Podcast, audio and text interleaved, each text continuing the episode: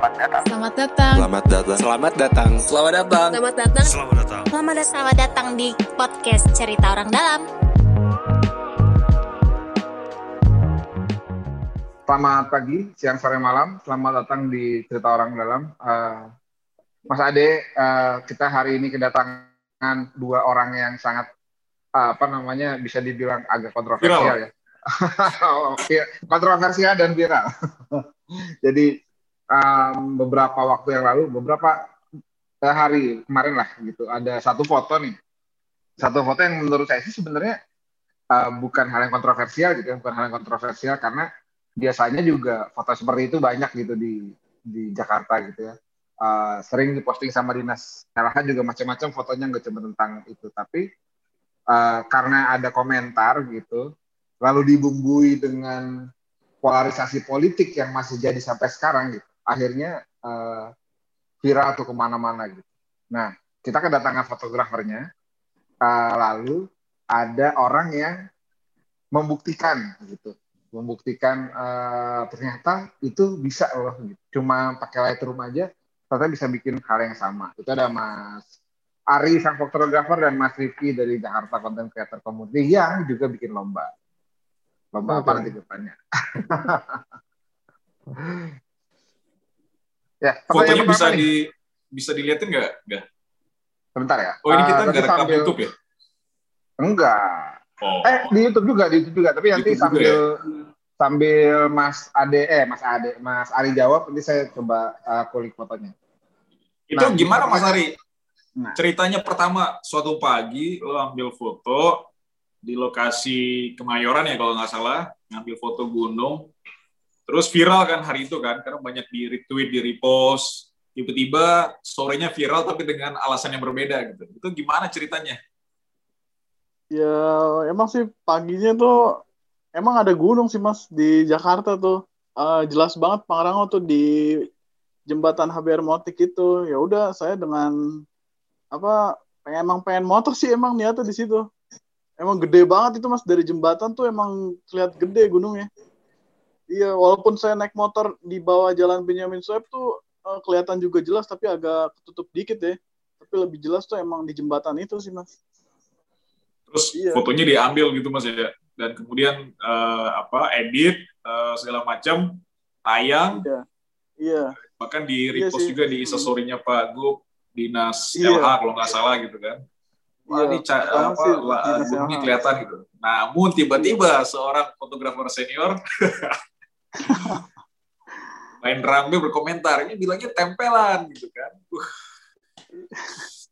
Iya, Rasanya iya, gimana mungkin, itu kalau ada foto kita sendiri iya. tempelan, dibilang tempelan. Waduh, mungkin apa uh, Mas Arben belum pernah moto di situ kali Mas. Jadi dia dia mungkin kaget kali ngeliat saya moto pakai lensa 55 300 disangka itu tempelan gunung ya. Padahal emang kalau di zoom tuh gede banget mas. Man saya mau lanjutin sampai 300 ah enggak. Kalau di Instagram pasti ke crop ntar. Emang niatnya cuma sampai 260 sih. Karena hmm. kalau di IG deh ke crop lagi di bawah ntar. Hmm. Gitu mas. Tapi langsung ini nggak mas? Uh, apa langsung uh, panik kan? Kan kita juga kadang kitanya nggak salah tapi karena yang yang menuduh itu apa eh, sangat senior dan dihormati kita juga kadang bisa panik sendiri kan iya responnya seperti apa waktu itu iya sih uh, dari pagi sampai siang tuh nggak ada apa-apa. Tiba-tiba pas menjelang sore nih kaget saya. Ada yang DM waduh Twitter nih. Oh lihat Mas Arbain di apa ngomenin dari dinas LH waktu itu kan. Uh, foto ini salah foto ini tempelan. Nggak mungkin gunung gede itu sebesar itu. Dan mobilnya juga terlalu kecil. Jadi yeah, yeah. Mas. Panik banget itu. Dan jadi ke mana-mana nggak ya kan? Maksud gue uh, foto, terus mungkin karena di retweet, di repost oleh dinas LH, terus mengkampanyekan pesan udara bersih, jadi fotonya jadi pesannya jadi banyak nih. Pertama kampanye udara bersih gitu kan. Terus yang kedua banyak juga yang nyerempet nyerempet politik. Oh ini pasti iya. gara-gara ini nih gitu kan. Dianggap uh, melakukan semacam manipulasi untuk programnya Pak Anies atau lain sebagainya gitu. Sehingga bumbu-bumbu itu banyak banget tuh sampai akhirnya Mas Rifki ya kemudian yang ikutin bantuin Mas ya uh, apa melihat uh, apakah uh, eksifnya benar apa tidak dan foto ini memang asli apa tidak gitu. Tuh Iya. ceritanya Mas Rifki? Iya, jadi eh, awalnya emang mau sebetulnya waktu lihat fotonya Ari itu juga bukan suatu hal yang yang aneh sih atau yang eh, apa namanya ajaib tuh enggak. Jadi memang karena gue sendiri tuh dari udah dua tahun lalu tuh motret Jakarta yang latar belakangnya gunung gitu. Hmm. Kalau di beberapa postingan mulai dari drone sampai pakai tele gitu. Makanya terus begitu ada kabar kayak gini eh, cuman mau make sure aja. Sebenarnya udah udah udah 50-50 nih 50-50 gitu antara 6, 10 persennya mau ke yang percaya atau 10 persennya nggak percaya terus akhirnya minta aja Ri mana sih nih itu gue DM aja mana foto aslinya terus ngeliatin eksifnya segala macam ya dengan dengan cara uh, edit Lightroom segala macam bisa menghasilkan memang foto dan komposisi warna yang seperti itu. Akhirnya saya screen recording segala macam akhirnya uh, saya posting aja gitu di uh, apa namanya uh, di sosmed di Instagram kan. Emang sebetulnya bukan dalam rangka pembelaan nggak pembelaan ya tapi ini masalah edukasi ya edukasi mengenai fotografi. Ketika ada orang lain yang uh, dia lupa gitu ya mungkin uh, jarang pakai tele atau motret uh, sesuatu yang bendanya juga sebetulnya cityscape. Tapi ini perpaduan antara kota dan juga nature gitu ya mungkin juga lupa. Jadi perlu edukasi sebetulnya. Jadi uh, ini bukan bantahan atau apa tapi edukasi bahwa ya betul Jakarta itu bisa kelihatan gunung kalau pakai lensa tele gitu.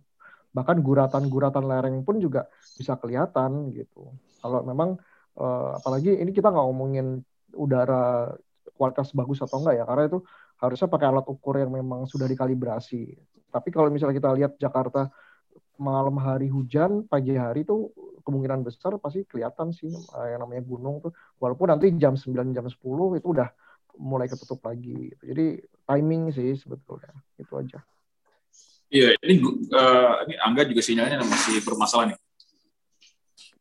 Gue juga ini Mas Rifki dan Mas Ari, gue tinggalnya di Kemayoran dan hampir setiap pagi itu emang bisa lihat gunung gitu.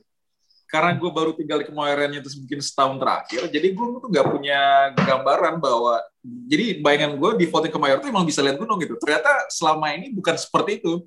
Jadi banyak orang justru baru ngeh, oh ternyata bisa lihat gunung ya dari Jakarta, dari titik Kemayoran gitu. Dan gunung gede banget kan.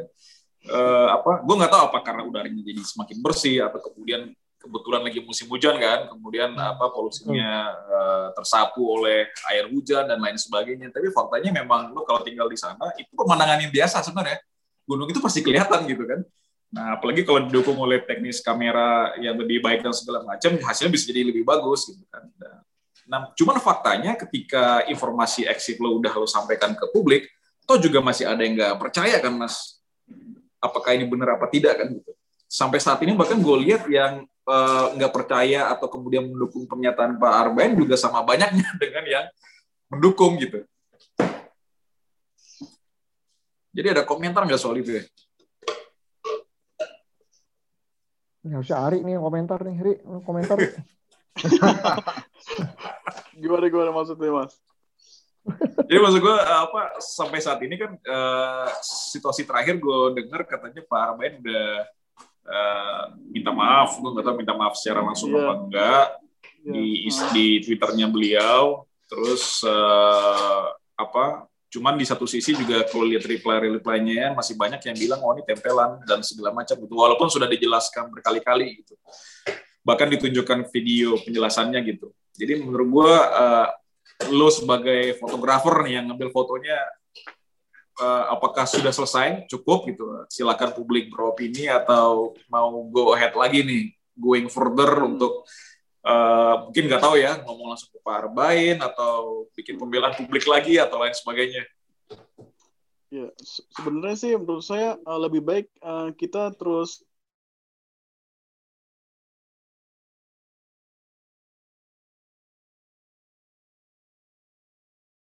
uh, motret aja terus yang bagus.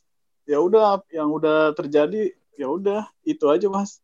Dan juga tuh uh, Pak Arba Pak Arbain kan bilang kan ini udah editan besar katanya. Ya udah mungkin yeah. kita harus uh, apa kolaborasi lah mungkin ya setelah ini nih sama Pak Arbain saya belajar lagi deh tentang motret gunung yang sebenarnya bagus yang gimana.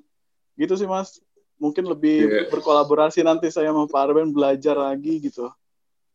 Tapi udah ada ini mas pembicaraan personal sama beliau, WA atau apa private message gitu. Sampai detik ini sih belum sih mas. Saya baru ngeliat di berita aja. Dan saya terakhir ngeliat di berita itu uh, dia tidak memper dia tidak mempermasalahkan fotografernya, tapi dia hanya mempermasalahkan fotonya aja gitu sih mas saya lihat. Pak Angga ini gimana nih Pak Angga? Pak Angga juga fotografer nih. Oh, enggak, sebenarnya menarik karena uh, gini, karena menurut saya, saya kan kalau misalnya kita sering lihat uh, lomba foto gitu ya, uh, yang yang dilakukan uh, polesan dan tanda kutip editing yang dilakukan sama Mas Ari itu kan sebenarnya editing standar gitu ya, editing standar yang biasa dipakai orang-orang untuk uh, lomba gitu, bahkan preset di preset di Lightroom, preset di Visco gitu kayak CEO kan juga sebenarnya sama aja kan dia cuma ngubah tone foto gitu bukan bukan melakukan olah digital uh, mindahin barang nempel barang gitu kayak misalnya yang tuduhan yang disampaikan sama sama banyak orang gitu. Nah apakah jadinya uh, kom, apa uh, apa ya kondisi sekarang itu malah jadinya ya ya udah kalau misalnya mau foto ya SOC aja gitu uh, langsung dari kamera nggak usah diedit padahal kan ya uh, akhirnya membuat lomba-lombanya jadi jadi lebih sulit lagi gitu. Karena kan bikin foto yang bagus tanpa tanpa editan uh, murni gitu juga nggak mudah gitu ya, nggak semua orang bisa. Tapi malahnya malah yang minat foto jadi nggak banyak gitu. Karena nggak boleh edit sama sekali gitu. Bener nggak yeah. sih? Ini ini pendapat pendapat melihat kontroversi ini ya terus kayak berarti nggak boleh ada edit dong gitu. Uh, yeah. Kalau asumsinya gitu gitu. Kalau asumsinya nggak boleh naikin clarity, nggak boleh naikin eh nggak boleh pakai dehaze nggak boleh apa-apa gitu gimana Mas Rifki nih yang yang sering eh yang bukan sering udah senior ini mah udah nggak pernah ikutan lomba lagi ini mah udah oh lomba menang mulu ini mah iya menang mulu nih jadi kalau uh, sebetulnya adanya uh, aplikasi editing whatever ya mau di laptop mau di handphone itu sebetulnya kan sarana atau tools uh, mempermudah atau uh, bisa dibilang bentuk ekspresi ya. Walaupun sebetulnya dalam hal ini kolase, montase itu juga salah satu bentuk ekspresi gitu.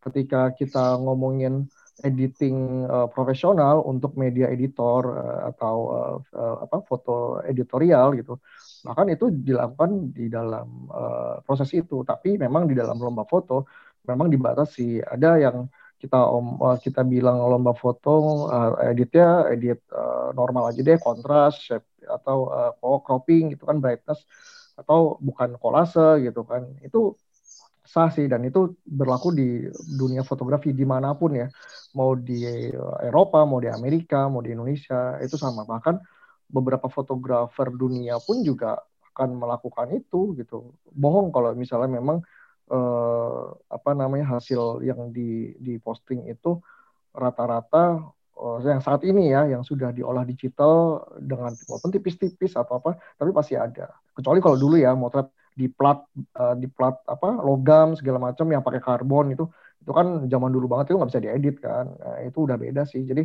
semakin ke sini semakin mudah untuk kita berekspresi. Tapi memang ada batasan-batasan seperti itu.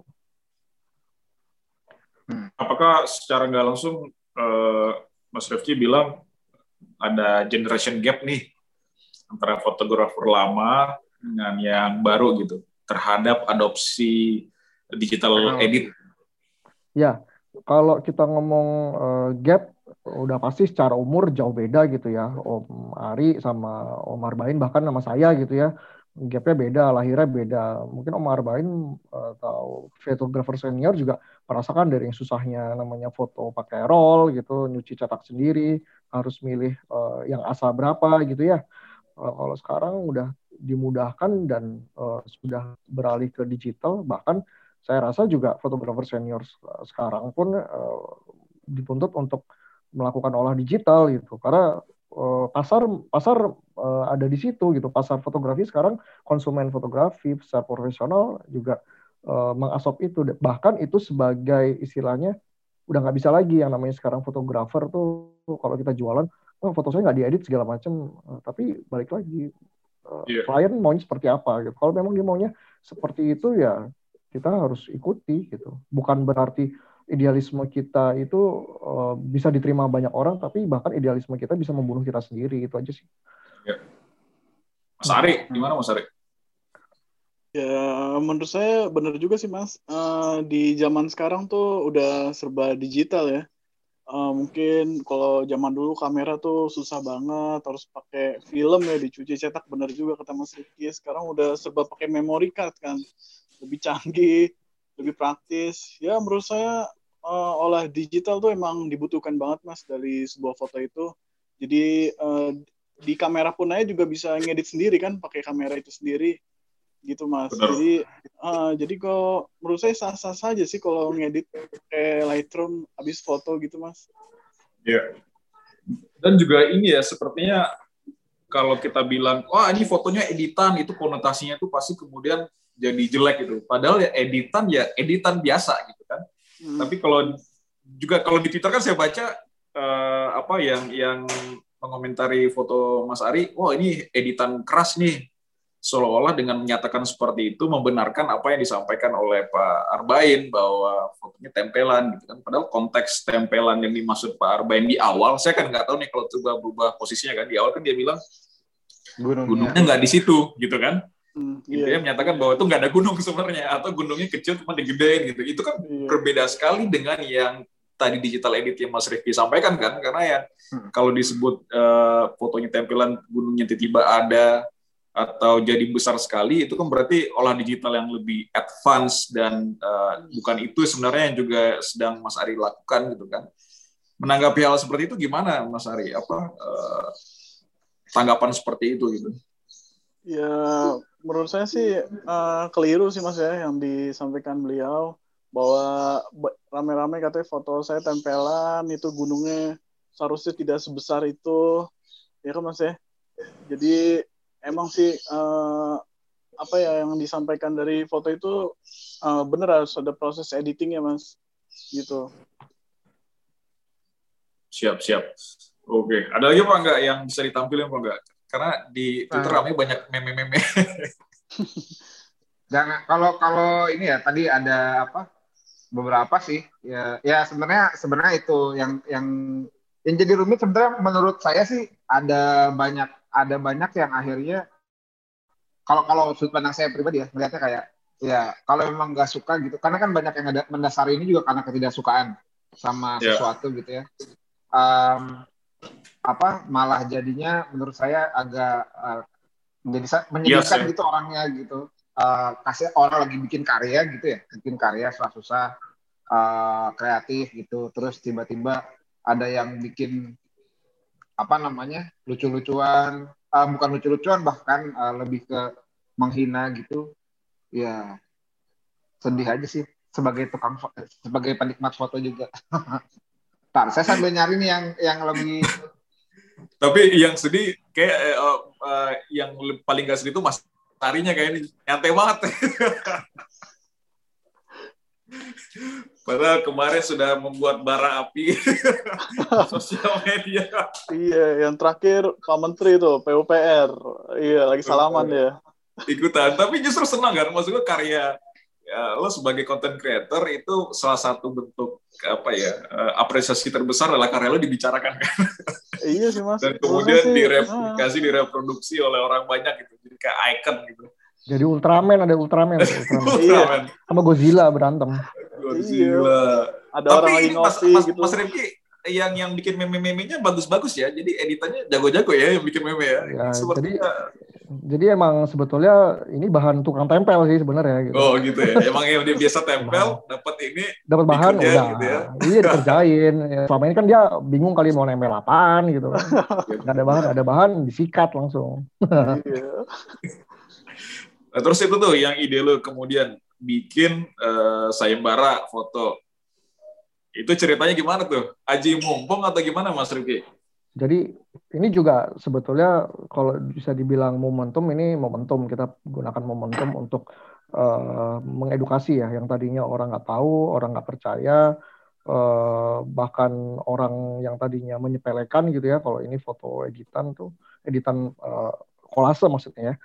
Ini sebenarnya salah satu bentuk edukasi bahwa ada pemandangan kota Jakarta yang berbeda gitu di pagi hari yang mereka biasanya tadinya mungkin bangunnya kurang pagi sekarang mereka harus bangun subuh nih gitu. Untuk ngejar uh, apa namanya untuk ngejar yang namanya momen gunung kelihatan side lighting istilah kalau side lighting itu kan ada jam-jam yang ketika sunrise gitu ya jam 6 sampai jam 7 itu uh, adalah sisi gunung lereng gunung yang memang terlihat jelas. Karena memang uh, matahari dari samping ini gunung dia akan uh, menyinari sisi-sisi uh, samping gunung sehingga memang kelihatan jelas gitu ya. Itu sebetulnya salah satu bentuk edukasi, salah satu bentuk edukasi bahwa ini loh kota Jakarta itu kalau pagi apalagi semalaman hujan bisa terjadi yang namanya bisa kita bisa ngeliat gunung gitu, bisa ngeliat gunung bisa bisa motret dengan lensa panjang bahkan dengan handphone pun gitu. Kalau teman-teman lihat saya tuh sempat motret gunung dengan lensa tele di uh, jembatan Cipayung itu saya kasih videonya gitu saya zoom pakai handphone ya itu lumrah-lumrah aja dan ini salah satu bentuk edukasi dan salah satu bentuk apresiasi kepada teman-teman yang mau memang eh, sama-sama yuk kita uh, apa namanya kita kita bangun yang namanya uh, ada potensi ada potensi uh, view yang lain mengenai tentang tentang kota Jakarta itu sih sebetulnya. Jadi nggak ada bermaksud nyindir atau apa enggak tapi justru ini sebetulnya salah satu edukasi bahwa oh ini cara motret uh, Jakarta ada gunungnya seperti ini, spotnya di mana, terus oh caranya harus gimana ya, dan mereka kan harus belajar gitu. Mereka mungkin lihat di YouTube atau mereka nanya ke orang gimana sih biar kelihatan nih gunungnya uh, foregroundnya seperti apa, backgroundnya seperti apa. Mereka harus belajar. Oh begitu nanti praktek ternyata sulit juga ya gitu untuk motret atau untuk melakukan ini. Gitu. Jadi jadi lebih mengapresiasi kerja para fotografer selama ini berarti mas ya. Betul. Nggak gampang mau, jadi fotografer itu nggak gampang gitu ya. Betul nggak gampang. Jadi uh, timingnya juga harus tepat gitu kan. Teman-teman harus jalan kaki menuju satu tempat yang memang agak tinggi gitu kan. Bahkan naik ke yeah. JPO sekalipun untuk melakukan pengambilan foto itu gitu. Iya yeah, ya. Yeah. Termasuk yang foto lu yang ada Monas di depan bulan itu juga Ya.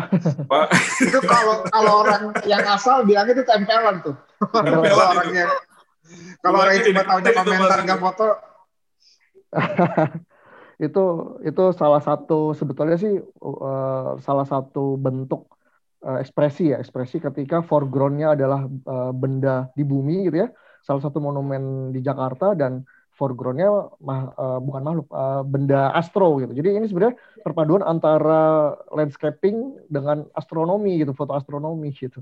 Jadi uh, itu yang kita lakukan waktu itu di Monas Motret. Itu. Iya iya iya Mas Ari, followernya nambah berapa mas ini mas? Oh, kebanjiran nih. Kayak dari tiga belas ribu jadi dua puluh satu ribu nggak salah nih. Uh, luar biasa. Mungkin luar agak biasa. untuk bacot kita perlu bikin ini juga. nah, boleh tolong promoin kita di di di Instagram Mas Ari biar kita juga nambah followersnya. Wah, siap siap. Dan katanya juga Twitternya apa uh, Jakarta Content Creator Community juga naik berapa persen ya ini Mas Mas Limki ya? Ya, di Instagram tuh naik langsung naik 2000 kalau nggak salah kemarin. Tuh, naik luar biasa. Walaupun Jadi, saya ada cara lebih singkat Mas buat naikin follower, cuman eh, agak ilegal. yang organik dong, yang organik. Oh, yang organik dong. Itu nah, benar, yang organik dong. Jangan sampai uh, followersnya 120 sekian ribu tapi yang like cuman ya sekian gitu tau lah. Oh, kita kenal tuh akun seperti itu. iya. Ke depannya nih, uh, Mas Riki, Mas Ari, uh, apakah akan terus berkarya?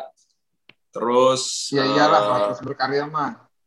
Iya, berkarya secara atau gimana yang next stepnya seperti apa nih kan tiba-tiba follower udah banyak nih gitu kan. Berarti udah makin banyak orang yang aware dengan karya kita. Apakah kemudian jadi makin hati-hati posting atau justru uh, gimana nih gitu?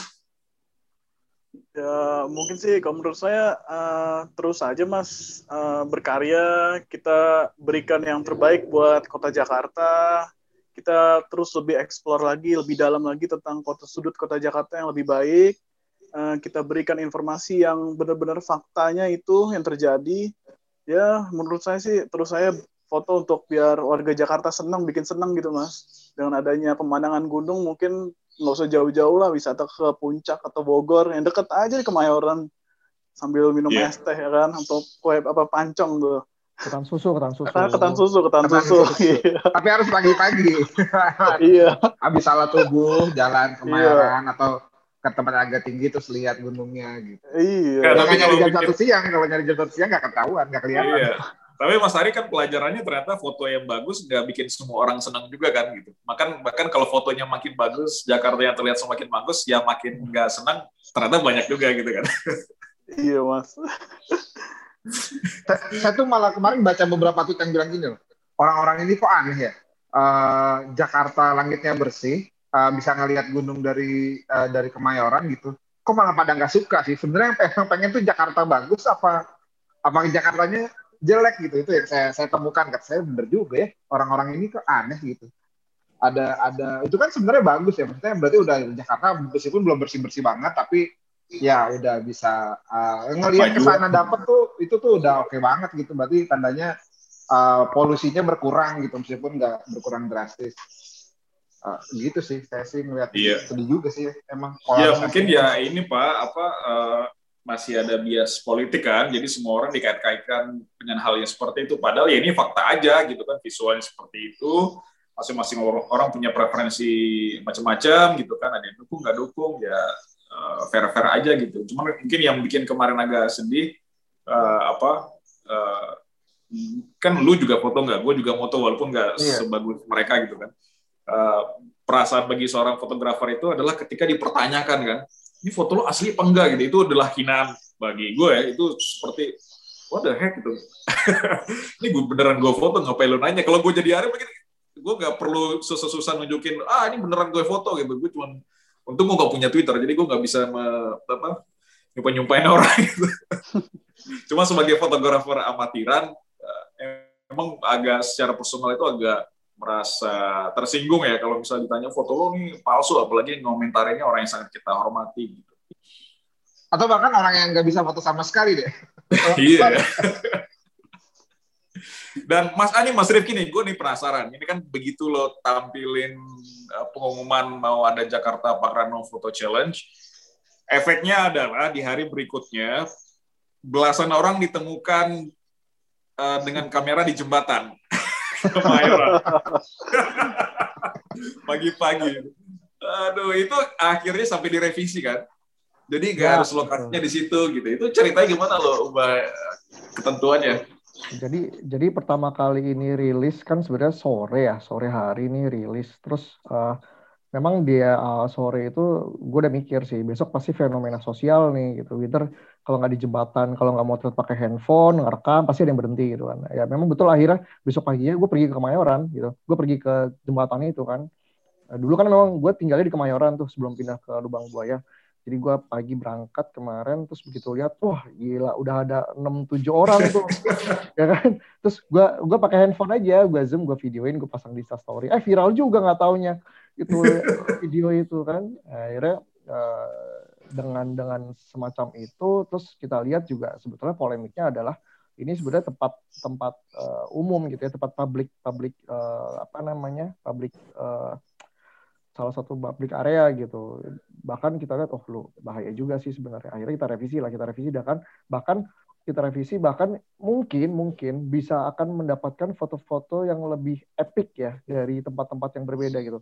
Misalnya sekarang dari Kemayoran, mungkin eh, ini ini ini ini salah satu salah satu yang gue temuin beberapa ngirim DM ke Instagram gue eh, kayak temen gue ada eh, dia motret gunung dari eh, pesisir laut Jakarta. Jadi dia mau naik kapal ke arah Pulau Seribu, dia motret dari eh, bibir pantai yang udah mungkin sekitar udah hampir satu kilo ya, harus satu kilo ke arah Pulau Bidadari mungkin ya.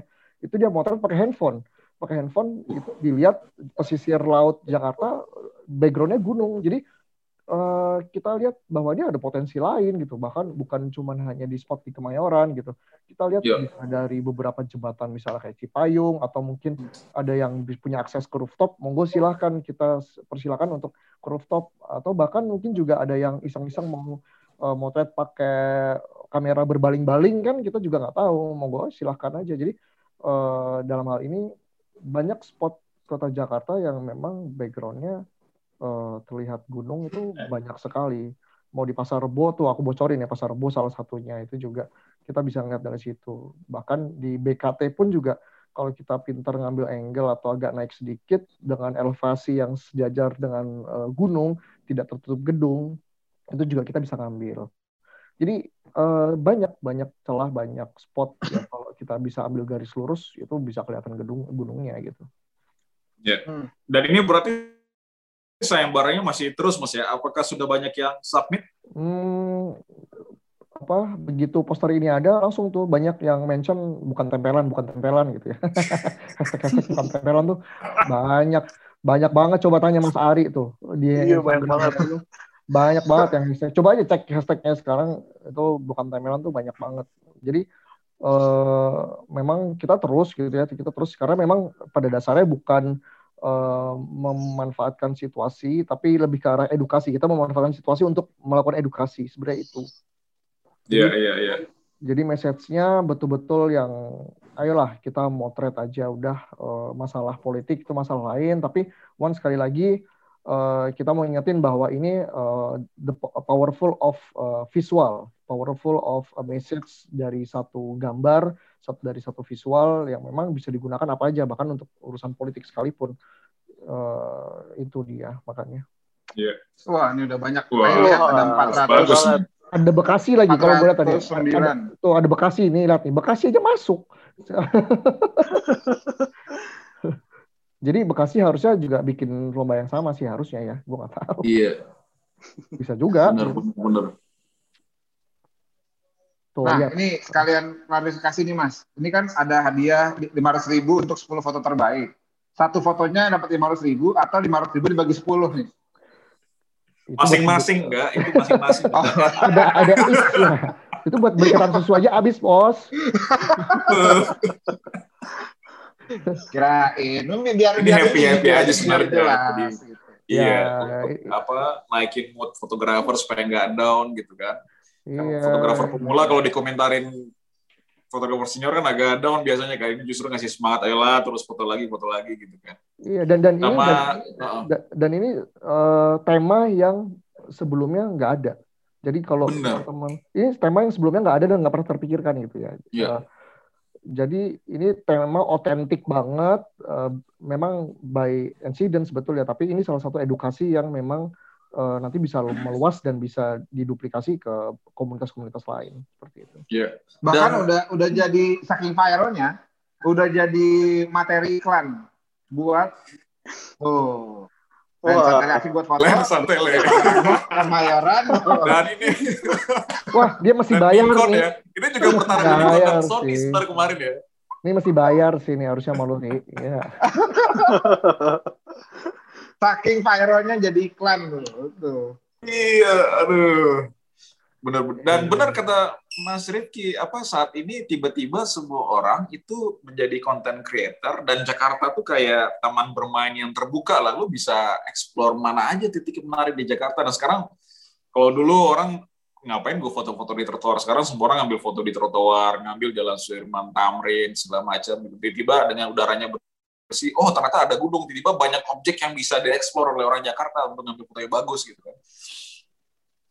Iya benar dan ini enggak mungkin sebelum penutup jadi kalau dulu kan kita uh, kalau ada masing mahasiswa tuh namanya skrip tamanin verba volam gitu kan yang tertulis akan abadi yang terucap akan berlalu bersama angin mungkin sekarang bukan tulisan lagi tapi foto lah yang kemudian jadi bukti otentik atas peristiwa, keadaan-keadaan terbaru dan lain sebagainya. Jadi semakin banyak foto, insya Allah karyanya akan terus abadi. Kira-kira begitu enggak ya?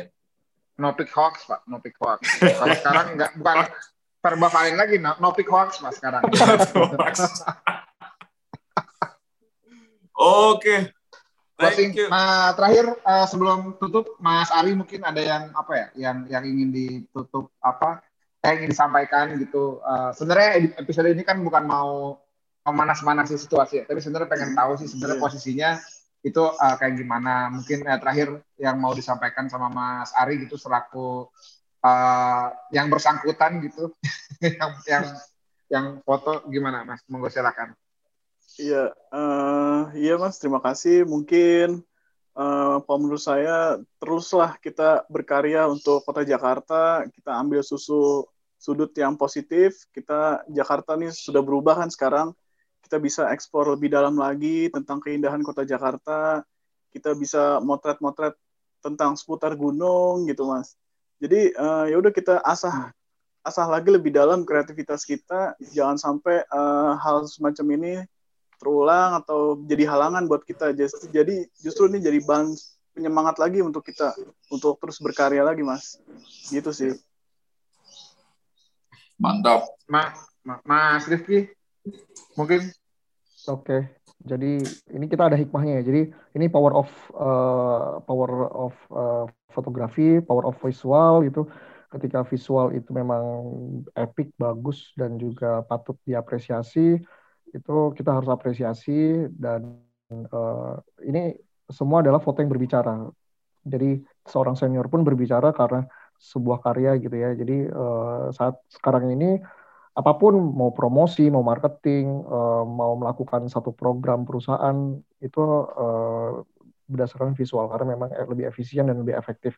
Buktinya ini salah satunya. Ini salah satu produk fotografi yang juga bisa diolah jadi uh, kebetulan dalam tanda kutip diolah jadi produk politik dari mana-mana gitu. Jadi uh, this is powerful of fotografi. Nah, terus berkarya, fotografi itu jujur gitu ya. Kalau mau kolase, mau montase, ada ada lagi. Memang jurusannya sendiri. Monggo silakan, bukan berarti mengharamkan dan uh, tetap kita hunting, jaga uh, kesehatan, pakai masker, cuci tangan. Uh, waktu saat hunting juga kita memperhatikan apakah kita kira-kira ada potensi uh, kecelakaan buat kita atau buat orang lain. Itu aja. Terus berkarya. Mantap pokoknya. Salam sehat dan semoga dengan Pak Arbain Ramli udah nggak ada masalah lagi ya Mas Arya udah udah saling ya. udah udah udah, udah clear mas. Iya ya, saya ya. maafin kok mas. Tinggal ntar bisa mungkin ngopi bareng aja mas. Oh mas Arben belum ketemu nih.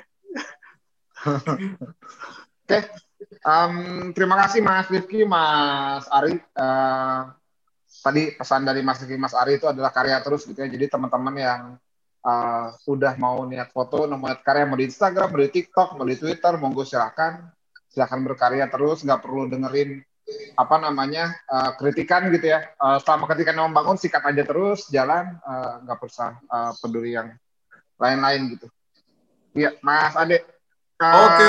Okay. Sekian berarti ya Mas Ade ya. Sekian uh, uh, ini enggak dengerin terus cerita kita karena cerita kita cerita baca ya, orang ya. dalam.